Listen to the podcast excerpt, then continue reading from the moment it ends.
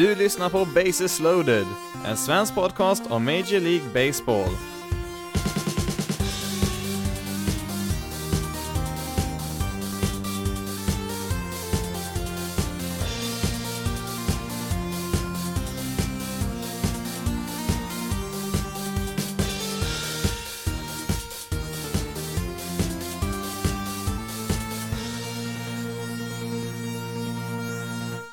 Och välkommen till veckans avsnitt av Bases loaded, en svensk podcast om Major League Baseball. I detta avsnitt blir det som vanligt eh, lite saker från veckan som gick i MLB och eh, vi ska även kolla på några fler blivande free agents här nu till vintern och eh, ja, sen har vi även några intressanta unga prospects här som har fått göra sin eh, MLB-debut här under veckan.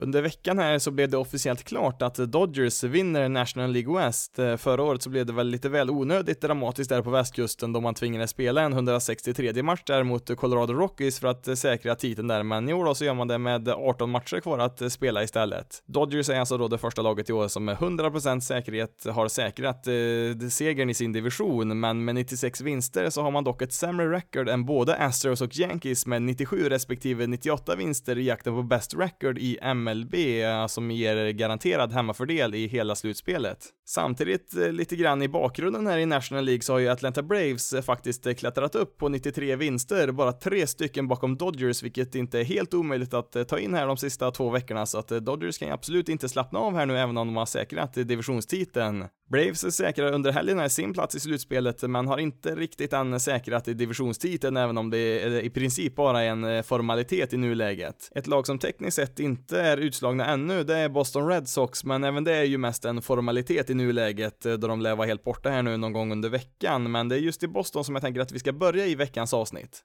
Där kom det ju nämligen ut under förra veckan att man har beslutat sig för att eh, sparka sin President of Baseball Operations Dave Dombrowski mindre än ett år efter han styrt laget till en World Series-titel. Var gränsen går mellan en general manager och en president of baseball operations kan ju vara lite diffus beroende på lag och så. President of baseball operations räknas väl som ett steg högre än en, än en general manager, men i regel så kan det vara ganska liknande uppgifter som de här två har. En general manager sköter i regel alla beslut angående vilka kontrakt spelare och coacher får samt vilka spelare som ska tradas, draftas och så vidare. I viss utsträckning skulle man väl kanske kunna se det som en sorts personalchef, men inte bara för spelare då, utan även för övrig personal som olika tränare, scouter och medicinsk personal, analytiker och ja, flera andra som på något sätt eh, är involverade inom lagets organisation. En president of baseball operations är då steget högre i rangordningen och eh, beroende på lag då så kan den här personen själv ha rollen också som general manager och eh, Ehm, ja, som sagt, det kan variera väldigt mycket från lag till lag vad som faktiskt skiljer sig mellan de här två positionerna och egentligen tror jag nog inte det är så jättestor skillnad. Det är väl mest bara att en President of Baseball Operations är väl mest en finare titel.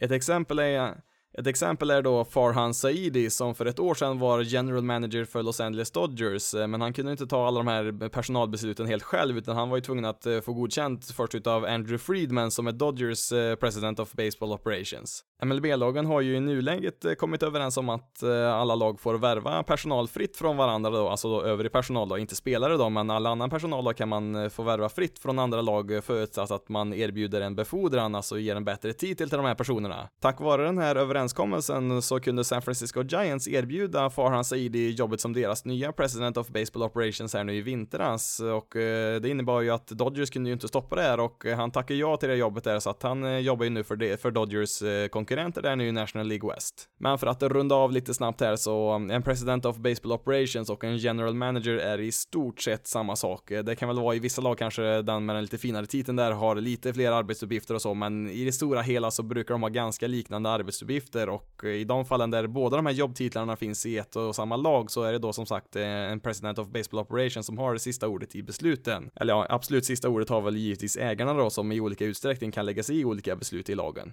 Men tillbaka till Dave Dombrowski så sa jag för några veckor sedan att det skulle vara överraskande men inte chockerande om Red Sox eh, gjorde en del förändringar i sin organisation efter säsongen inklusive Dombrowskis jobb där men de flesta hade nog räknat med att det skulle ha skett först när säsongen var över. Årets säsong har givetvis varit en stor besvikelse besvikelse för de regerande mästarna som mer eller mindre redan är utslagna från en slutspelsplats, men man måste ju också se till vad som kom innan den här säsongen med Dembrowski, alltså tre raka divisionstitlar och en World Series-titel. Det finns ju som med allt annat både positiva och negativa aspekter med Dembrowskis tid i Red Sox, men något som de flesta är väldigt överens om är hur dåligt det här har skötts från Red Sox sida. Nyheten kom ut strax efter midnatt förra söndagen och av någon anledning så verkar ju ingen i Red Sox ledning, vare sig ägare eller andra diverse direktörer, vågar ställa sig inför media där och förklara sitt beslut. Ingen presskonferens anordnades och eh, ja, det innebar ju att eh, deras stackars manager Alex Cora fick möta större delen av baseballmedia där och försöka svara på frågor om ett beslut som han har absolut noll inverkan över. Kanske kan tyckas eh, lite dumt gjort utav media här då att ställa alla de här frågorna till just Alex Cora, men samtidigt så fanns ju verkligen ingen annan representant tillgänglig från Red Sox ledning att svara på frågor och ja, det innebar ju att Alex Cora var ju den som fick ta allt det här och känns ju väldigt fegt gjort utav de som har tagit ett så pass stort beslut att inte komma ut och förklara någonting i alls egentligen. Nu kanske det har skett någonting här de senaste dagarna här som jag missat eh, från Red Sox ledning, men eh, ja, de som ligger bakom det här beslutet vet ju mycket väl om att allt och alla kommer vara extremt intresserade direkt när det händer när en person av Dave Dembrowskis status får sparken mindre än ett år efter en World Series-titel.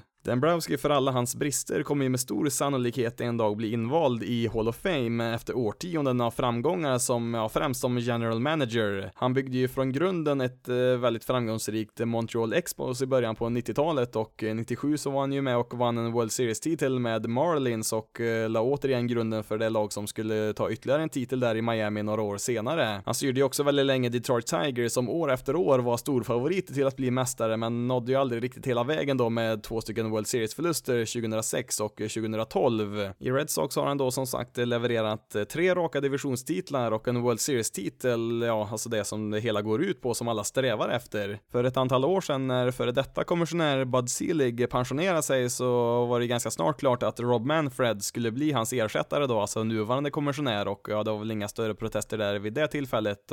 Men ett av de få namnen som nämndes som ett alternativ om Manfred inte skulle bli godkänd, det var just Dave Dombrowski Dombrowski som är ett väldigt respekterat namn inom MLB och han förtjänar väl betydligt bättre än så här, även om man eh, kanske ville ge han sparken eh, efter den här säsongen var över ändå. Det finns absolut anledningar till att eh, gå vidare från Dembrowski i Boston, vilket jag kommer till strax här, men återigen så har det ju skötts på ett väldigt osmidigt sätt från Red Sox sida. Dagen efter nyheten kom ut så återvände ju David Ortiz till Fenway Park för att kasta ut den första pitchen där efter en längre tid på sjukhus på grund av att han blev skjuten här tidigare i år. Stora jubel där på Fenway såklart, Eh, men en dag som skulle vara en glädjens dag där med sin hjälte tillbaka där framför hemmapubliken resulterar ju istället i att alla 15 minuter senare återvänder till diskussionerna kring just Dembrowski, som totalt överskuggar Ortiz eh, återkomst då till Fenway.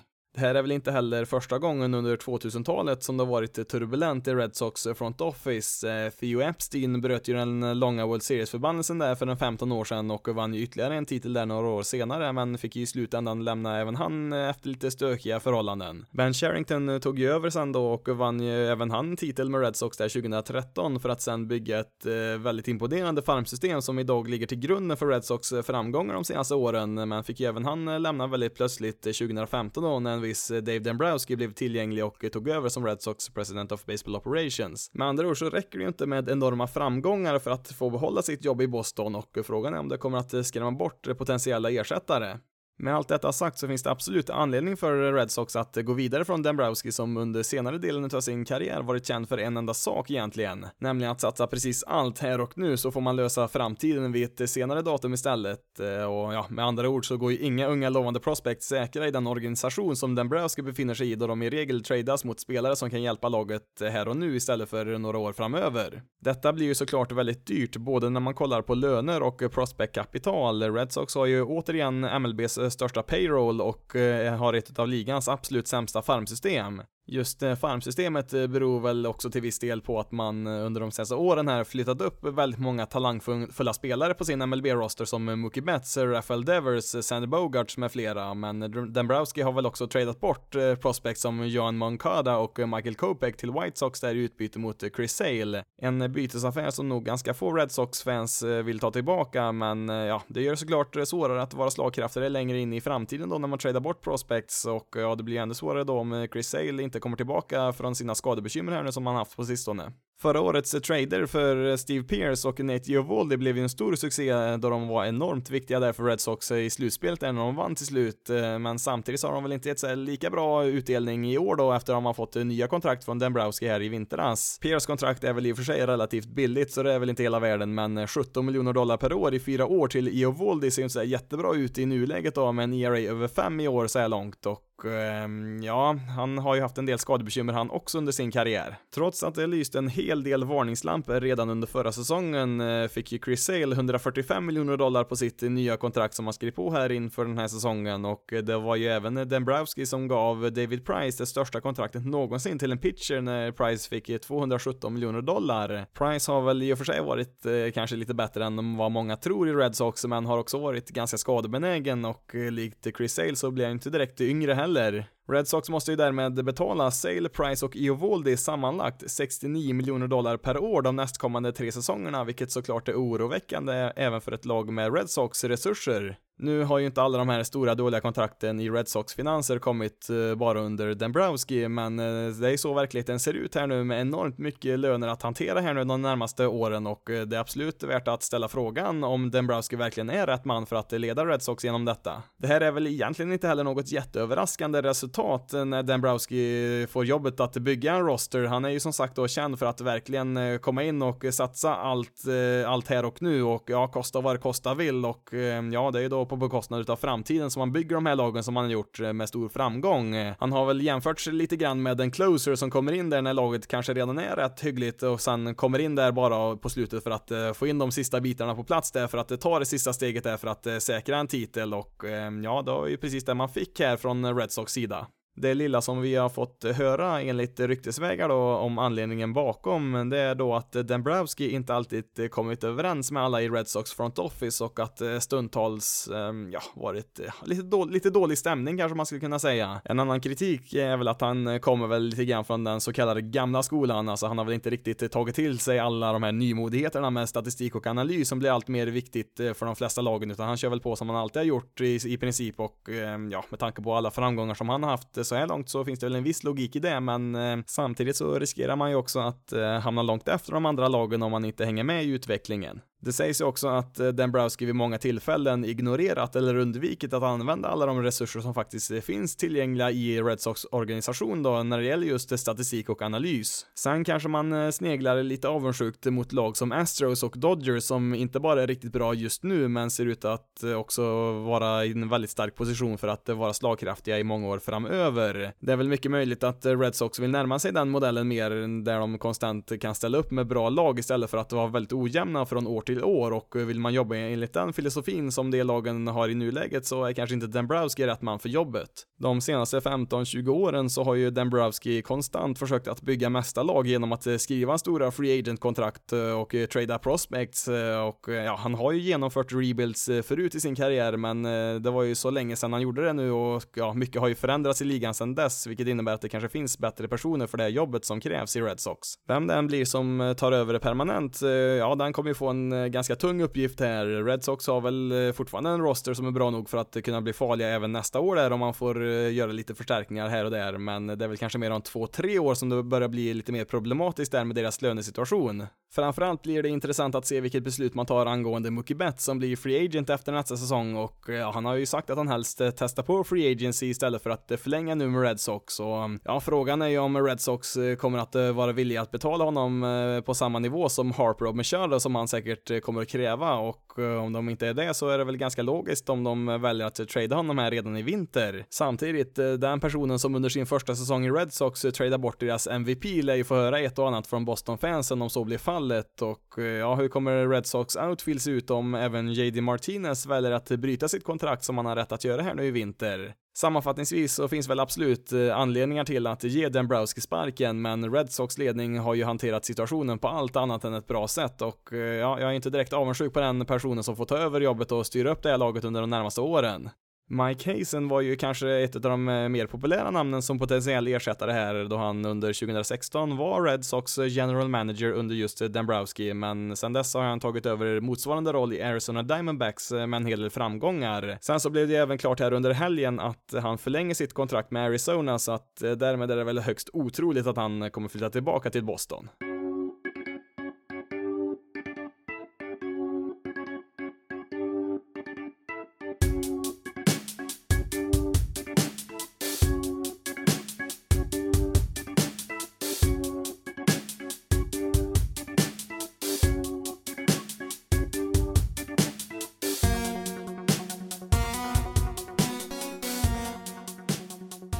Boston till New York och Mets starting pitcher Noah Syndergaard, för under veckan här så kom det ut att eh, han var ganska irriterad, eller han verkar vara mer än irriterad över att han så ofta får kasta med Wilson Ramos som catcher. Ramos har ju varit väldigt bra offensivt den senaste tiden och Mets vill givetvis ha med honom där i deras lineup så ofta som möjligt här nu på slutet för att eh, komma ikapp där i wildcard-jakten, men för allt positivt som man kan säga om hans egenskaper som slagman så finns det minst lika mycket negativt man kan säga om Ramos eh, defensiv. Framförallt hans framing är riktigt dåligt jämfört med andra catchers i ligan. Som jag nämnde för något avsnitt sen så finns det ju catchers som Rangers Jeff Mathis som är en av MLBs absolut sämsta slagmän genom alla tider, men ändå fortsätter att få spela eftersom att han är så pass bra defensivt och pitchers tycker väldigt mycket om att kasta till honom. I Mets så har man en liknande backup catcher, Thomas Nido, som även han är riktigt dålig offensivt. Eh, ja, inte så extremt dålig som Mathis är, men han är ju då också väldigt duktig defensivt istället. Med Nido som catcher i år så är Syndergaards ERA dubbelt så bra jämfört med när han kastar med Ramos som catcher, så att det ligger väl kanske någonting i det han säger, att han hellre kastar med Nido som catcher, men samtidigt så finns det också en del eh, siffror som tyder på att han i vissa fall kan vara bättre när Ramos är catcher istället, eh, även om resultaten då inte riktigt gått med dem i år. För Mets del så är det väl lite av en balansgång här, för man vill ju såklart ha med Ramos i sin lineup så ofta som möjligt med tanke på hur bra han har varit offensivt här nu på sistone, men samtidigt så vill, vill man ju hålla sina starting pitchers nöjda, de kanske enskilt viktigaste spelarna på planen under varje match.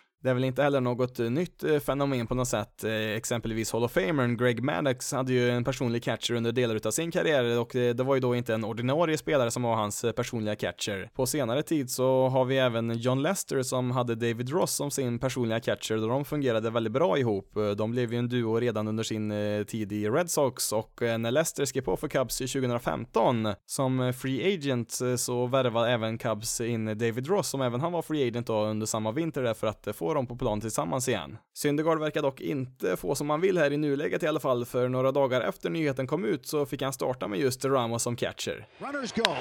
And this ball smacked into center field and deep. On the run is Lagares. He's not going to get it. It's off the wall. Seager will score. Here comes Pollock in behind him and into third with his first major league triple is Gavin Lux and the Dodgers take the lead 3 to 1. And he's going to score. We're going to have a conference of the umpires right now. The third base umpire told go ahead and score was a home run, but now there's going to be a En tre-runs homerun från Gavin Lux hörde du där när Dodgers besegrade Mets med 9-2. Fyra utav Dodgers runs kom på bollar kastade utav Syndergaard eh, som kom ut där efter fem innings. Efter matchen så sa Syndergaard att han tyckte, tyckte om Ramos eh, play calling i matchen där, alltså vilka kast eh, som Ramos visade att Syndergaard skulle kasta där och han tyckte att de hade ett bra samarbete där mot Dodgers. Eh, om det var sant eller om Syndergaard var tvungen att eh, säga lite snälla saker där om Ramos efter den här nyheten kom ut, eh, ja det kan vi bara spekulera i. I ett större perspektiv, eh, mer än bara den här händelsen, så har det väl inte varit helt eh, friktionsfritt mellan Syndergaard och Mets som organisation, då Syndergaard vid flera tillfällen uppgetts varit irriterad över diverse olika saker från ledningens sida och dessutom så har ju Mets eh, front office väldigt öppet och aggressivt eh, gjort nästan allt de kan för att trada bort honom från New York så att det skulle väl inte vara någon jätteöverraskning om Syndergaard har en ny klubbadress 2020. Då tänkte jag att vi återigen ska kolla på några blivande free agents. Eh, I förra avsnittet så pratade jag om de största namnen och jag tänkte idag ta några utav dem som kanske ligger något snäpp under dem. I förra avsnittet så nämnde jag faktiskt bara en enda starting pitcher, Garrett Cole. Det är han som är den överlägset bästa pitchen som är tillgänglig som free agent i nuläget eh, efter säsongen är över. Men eh, som sagt, i det här avsnittet så tar vi lite spelare som ligger snäppet under de som jag tog upp förra veckan och vi har tre starting pitchers här som jag tänkt att ta upp. Addison is up. Ready as we play in the fifth inning now.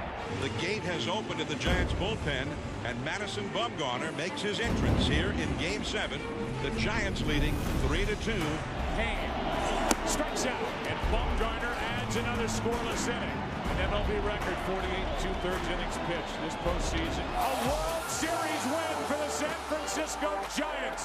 And Madison Bumgarner has firmly etched his name on the all-time World Series record books as one of the greatest World Series pitchers the game has ever seen. Ja, när det handlar om World Series-matcher, då är det få pitchers man hellre vill ha med sig än Madison Bumgarner och eh, han är väl kanske ett av de mer intressanta fallen inför vinterns eh, Free Agency, då jag verkligen inte har någon aning om alls vart han kan tänkas hamna eller vilket eh, sorts kontrakt han kommer kunna få. Ett alternativ är givetvis att stanna kvar i Giants, men det lär väl dröja minst en två, tre år innan eh, de blir att räkna med igen där på allvar och eh, ja, det kanske inte riktigt eh, stämmer in med var Bumgarner befinner sig i sin karriär just nu. Han har ju redan i och för sig tagit tre World Series-titlar, men ja, han vill säkert försöka fortsätta vinna och ja, för Giants del så är det väl inte jättelogiskt rent sportsligt att ta tillbaka honom då hans peak förmodligen är över när de har ett slagkraftigt lag igen. Samtidigt så är det här en klubblegend vi pratar om och visst skulle han säkert kunna bidra med sin rutin där för ett eh, föryngrat Giants. En annan faktor som är värd att ha i åtanke det är att han eh, under sin karriär bara, eller ja, bara tjänat omkring 60 miljoner dollar och han skriver på ett eh, väldigt eh, fördelaktigt eh, kontrakt för Giants del då 2012 värt endast 35 miljoner dollar över fem år. Sen utöver det så har även Giants aktiverat ett par klubboptioner på hans eh, kontrakt de två senaste åren, men han har aldrig tjänat mer än 12 miljoner dollar under en och samma säsong, vilket är långt under hans verkliga värde, så att det är väl möjligt att han försöker ta den bästa dealen han kan hitta här nu i Free Agency.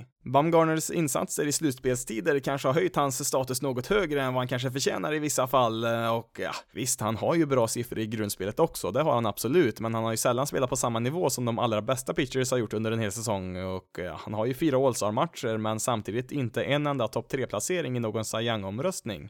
Han var ju väldigt skadedrabbad både 2017 och 2018, eh, men i år då så kommer han ju återigen att komma upp i 200 innings då han har kastat hela säsongen och ja, han har väl gjort det bra, inte exceptionellt, men bra. Som sagt, jag har väldigt svårt att se hur hans eh, free agency-resa kommer att eh, sluta här nu i vinter, men jag tror absolut han fortfarande har ett antal år kvar som en effektiv pitcher. Han fyllde ju ganska nyss 30 här, så att han är inte jättegammal, men han är väl inte jätteung heller. Sen så återstår det väl att se om man kan följa efter Justin Verlander och Zach Frankie som exempel och fortsätta spela på en eh, hög nivå även efter 35 års ålder. Swung on and missed strike three, blew a fastball by him at 98. Zach Wheeler has 11 strikeouts. Mets starting pitcher Zach Wheeler trodde nog de flesta skulle tradas bort här i somras med utgående kontrakt, men så blev ju inte fallet. Det sägs att Mets har erbjudit en kontraktsförlängning som Wheeler har tackat nej till och ja, det ser väl mer och mer ut som att eh, han kommer bli free agent här nu till vintern. Även här är det lite osäkert hur det kommer att sluta. Bumgarner är jag rätt säker på kommer erbjudas ett qualifying offer som han tackar nej till, men jag är inte helt övertygad om att Mets skulle erbjuda det till Wheeler som möjligtvis skulle kunna, kunna tänka sig att ta ett sånt erbjudande. 18 miljoner dollar som ett qualifying offer kommer att hamna på ungefär är väl kanske inte så vansinnigt för någon av parterna här. Wheeler skulle väl, ja, skulle nog gissa att han får en eh, lite lägre snittlön än så om man skulle få ett eh, längre kontrakt, eh, men ett längre kontrakt skulle ju också ge mer garanterade pengar. Wheeler var ju en av ligans absolut bästa pitchers under andra halvan av säsongen 2018, men han har ju inte direkt kommit tillbaka i den formen i år och ja, han har väl varit lite ojämn så från start till start. Egentligen så har han väl bara en säsong, nämligen förra året, där han var riktigt, riktigt bra och visst, han har väl spelat rätt hyggligt i år också, men eh, det är väldigt svårt att säga vart hans marknad eh, kommer att ta vägen här nu i vinter. Med tanke på hur Free Agency har utvecklats här de senaste åren så tror jag det finns en hyfsad chans att Wheeler kommer att eh, bli besviken på de erbjudanden som han kommer att få här i vinter. Han fyller ju 30 här nästa år och är väl tveksam till att något lag erbjuder mer än tre, kanske fyra år på ett kontrakt till Wheeler. Den tredje och sista pitchen som jag tänkte att nämna här, det är Dodgers starting pitcher Jungin Ryu som, eh, ja utav de här tre så är väl han den som har presterat bäst i år och är väl fortfarande en Cy Young-kandidat, även om han tappat lite här nu på slutet utav säsongen. Ryu accepterade ett eh, qualifying offer förra året utav Dodgers och kan därmed inte erbjudas det i år igen. Han fyller dock 33 här nu lagom till nästa opening day så att han kommer nog säkert få nöja sig med ett kontrakt på kanske två eller tre år, eventuellt något mer år där med någon option där i kontraktet. Trots sin ålder så är det faktiskt bara hans eh, sjätte säsong i MLB eftersom han kom över lite senare i sin karriär från Sydkorea och eh, han har faktiskt också bara startat 30 matcher under en enda säsong och eh, det var 2013 hans debutsäsong i MLB. En hel del skadeproblem har ju begränsat Ryus speltid, exempelvis förra året kastade han bara 82 innings och året innan det 126. I år så bör han ju i alla fall komma upp i en 180 vilket är positivt men med tanke på att han har presterat betydligt sämre här nu på sistone så är det väl en fråga värd att ställa om han verkligen verkligen håller i nuvarande skick för att kasta på en jämn nivå över en hel säsong. Det har ju aldrig varit några större problem eh, när han väl har varit frisk, eh, men eh, klarar han verkligen av att kasta 180 innings per säsong plus ett antal innings i ett slutspel? Ja, det är lite mer tveksamt. Trots sina sämre resultat eh, de senaste veckorna så leder han faktiskt fortfarande MLB i ERA på 2,35 bland starting pitchers, eh, så han har väl gjort eh, vad han kan för att förbättra sina odds här som free agent i år. Om jag måste gissa så tror jag ändå att det finns en relativt stor chans att han blir kvar med Dodgers, även om de har en hel del andra yngre alternativ bakom honom i deras rotation. This one is hit in the air to deep left field. Looking up is Reyes. This is long gone. Cubs are on the board. A two-run shot by Nicholas Castellanos. Well, that's a little answer. That's what the Cubs needed, is to come right back and score some points. För det lag som letar efter en right fielder så finns ett par intressanta alternativ. Eh, sen Nick Castellanos tradades från Tigers till Cubs eh, sista juli så har han varit en av ligans hetaste spelare och eh, man skulle nästan kunna säga att han räddat Cubs de senaste veckorna här när mycket annat har gått emot dem. Sen deadlinen för trade så har han en slashline på 3.35, 3.67, 6.88 med en VRC plus på 166 efter en ganska medioker insats den första delen av säsongen i Detroit. Även om Castellanos spelar som en All-star i nuläget så tror jag nog han inte lär få något enormt kontrakt. Eh, visserligen är han en, av de yngsta free agents som vi har i år då han fyller 28 till våren här, vilket eh, talar för honom, men eh, ja, visst, han är duktig offensivt, men han har negativt värde som försvarsspelare också. Han inledde ju sin eh, MLB-karriär som en tredje basman, men han klarade ju inte av den positionen speciellt bra och flyttades eh, bak till right field istället för ett par år sedan och eh, ja, det har väl inte gått så himla mycket bättre där heller. Med sin succé i Cubs så är det väl möjligt att de vill ha tillbaka honom, men annars så är det nog mer troligt att han hamnar i American League där han kan spela som en designated hitter. Cubs har väl dessutom en del andra stora free agent-kontrakt som de gett till veteraner som inte ser så bra ut i nuläget, vilket kanske gör att de avstår Castellanos. Skulle väl bli förvånad om om man får ett kontrakt som överstiger 50 miljoner dollar, även om det inte är en omöjlighet att eh, det kommer upp i de summorna. Right field, charging in Puig. I don't know, will he get there? Yes, he did! What a dynamite play by Yasiel Puig. The big man rumbling in and the wild horse able to get the glove on. Är man däremot lite mer intresserad utav en eh, lite mer defensivt eh, kapabel right fielder så finns ju även eh, Yasiel Puig tillgänglig. Eftersom att både Puig och Castellanos blir tradare här i år så kan ingen utav dem erbjudas ett qualifying offer för att lagen, lagen kan bara erbjuda ett qualifying offer till spelare som har varit på deras roster under hela säsongen. Puig är ju två år äldre än Castellanos men jag tror att de har ungefär samma marknad i vinter. Båda två tjänar ju strax under under 10 miljoner dollar under sitt eh, sista år i arbitration och eh, jag kan säga att de får ett relativt liknande kontrakt i vinter. Puig har väl en liten fördel med tanke på att han eh, förmodligen har större chans att få erbjudanden från National League då han är en kapabel försvarare, men han är ju också lite eh, speciell när det gäller hans personlighet som kanske inte passar in i varje lag heller. Personligen så hade jag nog hellre satsat på Puig, även om han är lite äldre än Castellanos och eh, ja, Castellanos har väl dessutom varit eh, betydligt bättre offensivt i år jämfört med Puig, men eh, ja, Puig är ju som sagt lite mer välrundad och även om det kan storma lite kring honom emellanåt så har han en tendens att bli lite grann utav en publikfavorit där han spelar. Puig inledde ju säsongen i Cincinnati och om storlagen inte är intresserade utav honom så kan jag se att han eventuellt återvänder dit och likaså kan jag nog eh, tänka mig att eh, han stannar kvar i Indien som han representerar i nuläget eh, eftersom att de kommer behöva lite outfielders där.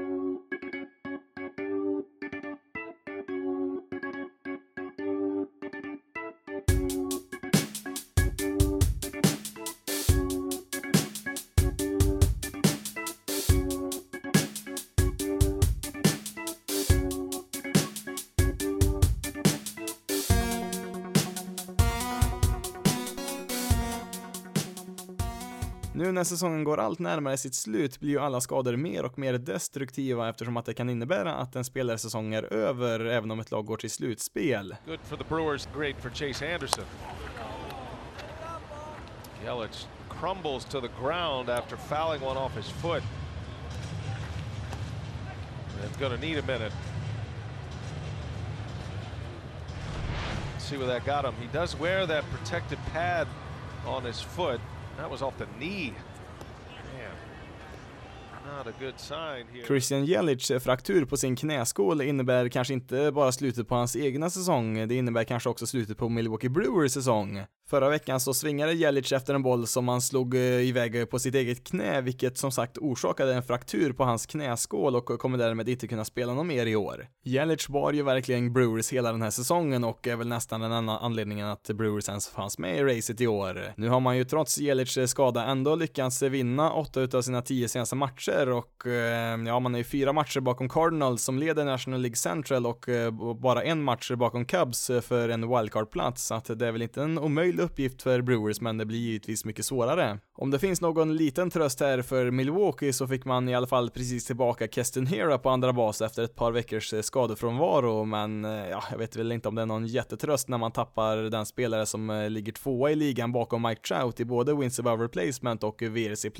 Det innebär väl också att han förmodligen inte kommer att vinna en MVP-titel för andra året i rad när han tappar tre veckor utav speltid här på slutet, den del av året som kanske har störst inverkan på de som röstar i den kategorin. Alla skador är jättetråkiga oavsett vem det drabbar, men på något sätt så går det inte att undvika att eh, bli lite extra bedrövad när det drabbar just en MVP.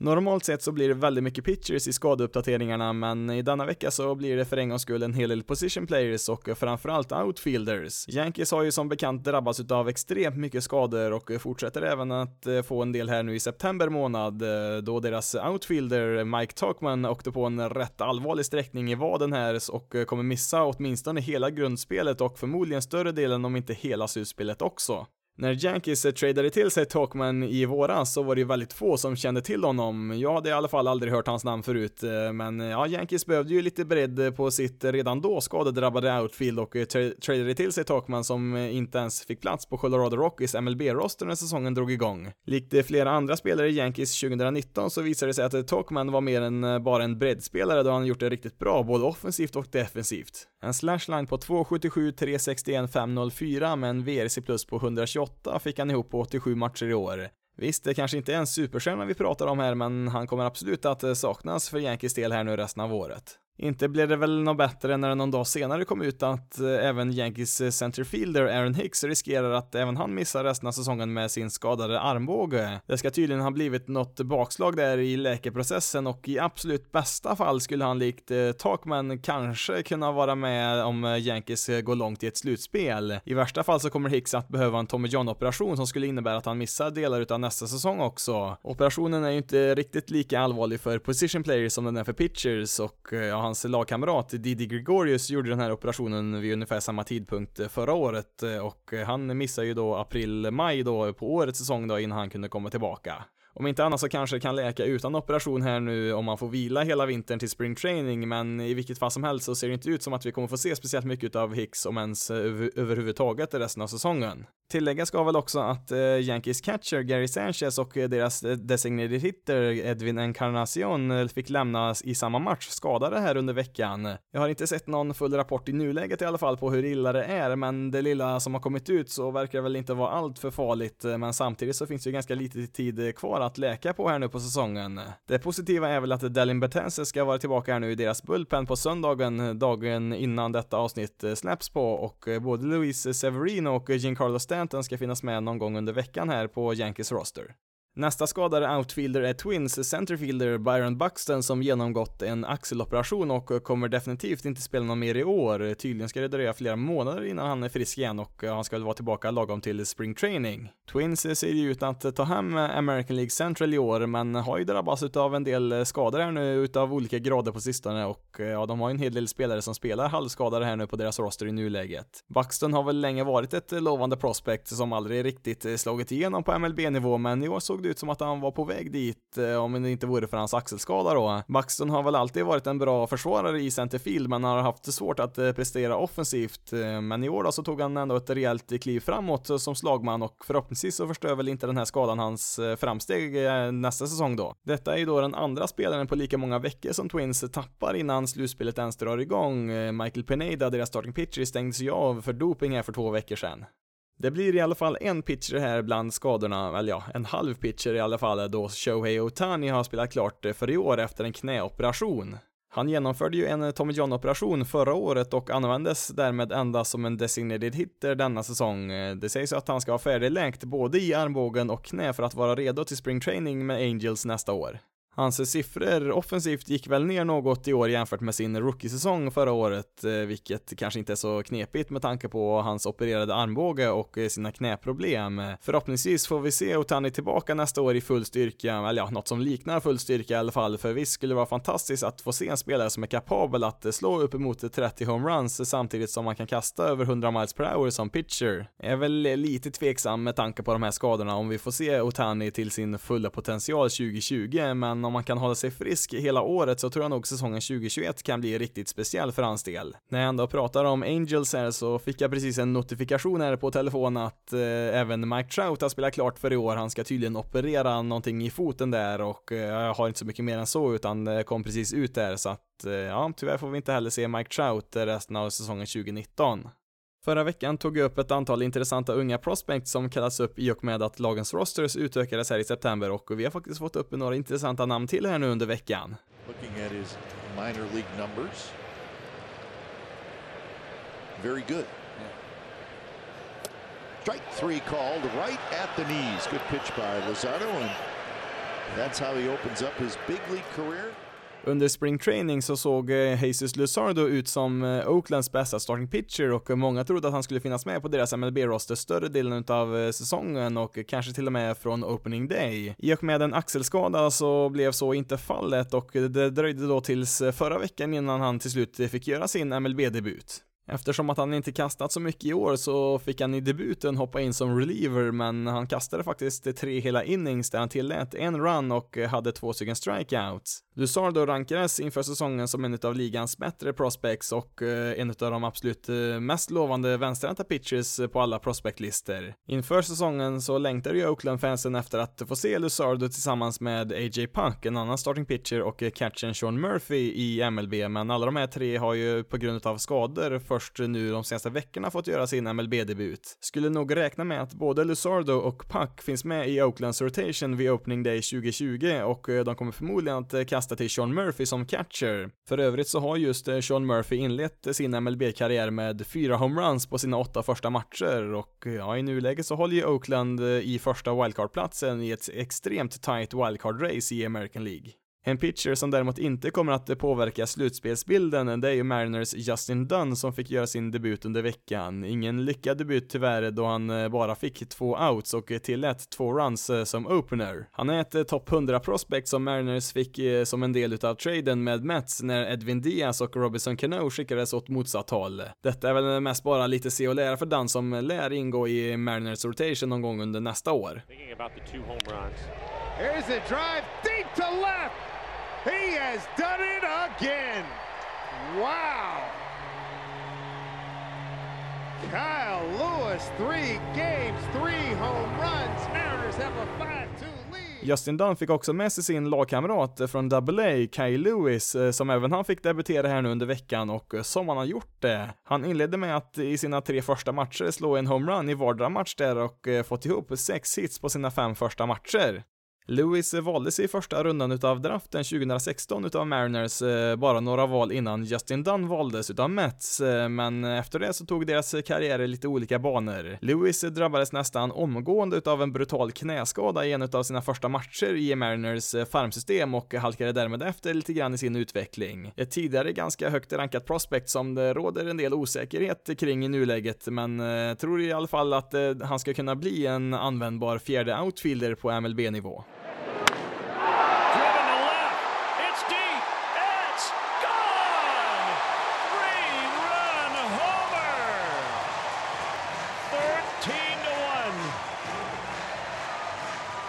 jack up the prices on those Horner jerseys. They're going to be in demand, mom. Till sist ska vi till eh, Chicago där Nico Horner gjort eh, succé för Cubs eh, sen han flyttades upp med 10 hits på sina sex första matcher. Horner valdes sent i den första rundan av draften 2018 men har snabbt klättrat på prospectlistor och är nu ett topp 50 prospect i MLB. Cubs var också ganska aggressiva med hans utveckling och placerade honom i AA mindre än ett år efter att han har draftats, vilket är ganska ovanligt. Med Javi Baez borta resten av säsongen och skadebekymmer för Addison Russell hade man inte så jättemånga andra alternativ än att eh, flytta upp Horner på deras middle infield och eh, ja, han har ju verkligen gett Cubs en, en energikick sen han kom upp, eh, lite som Nick Castellanos gjorde när han kom till Cubs vid trade deadlinen. Det finns väl lite frågetecken på hans försvarsspel och en del är väl tveksamma om han håller på shortstop i framtiden, men i nuläget så finns det inte så mycket att välja på för Cubs och han har ju som sagt gjort succé så här långt.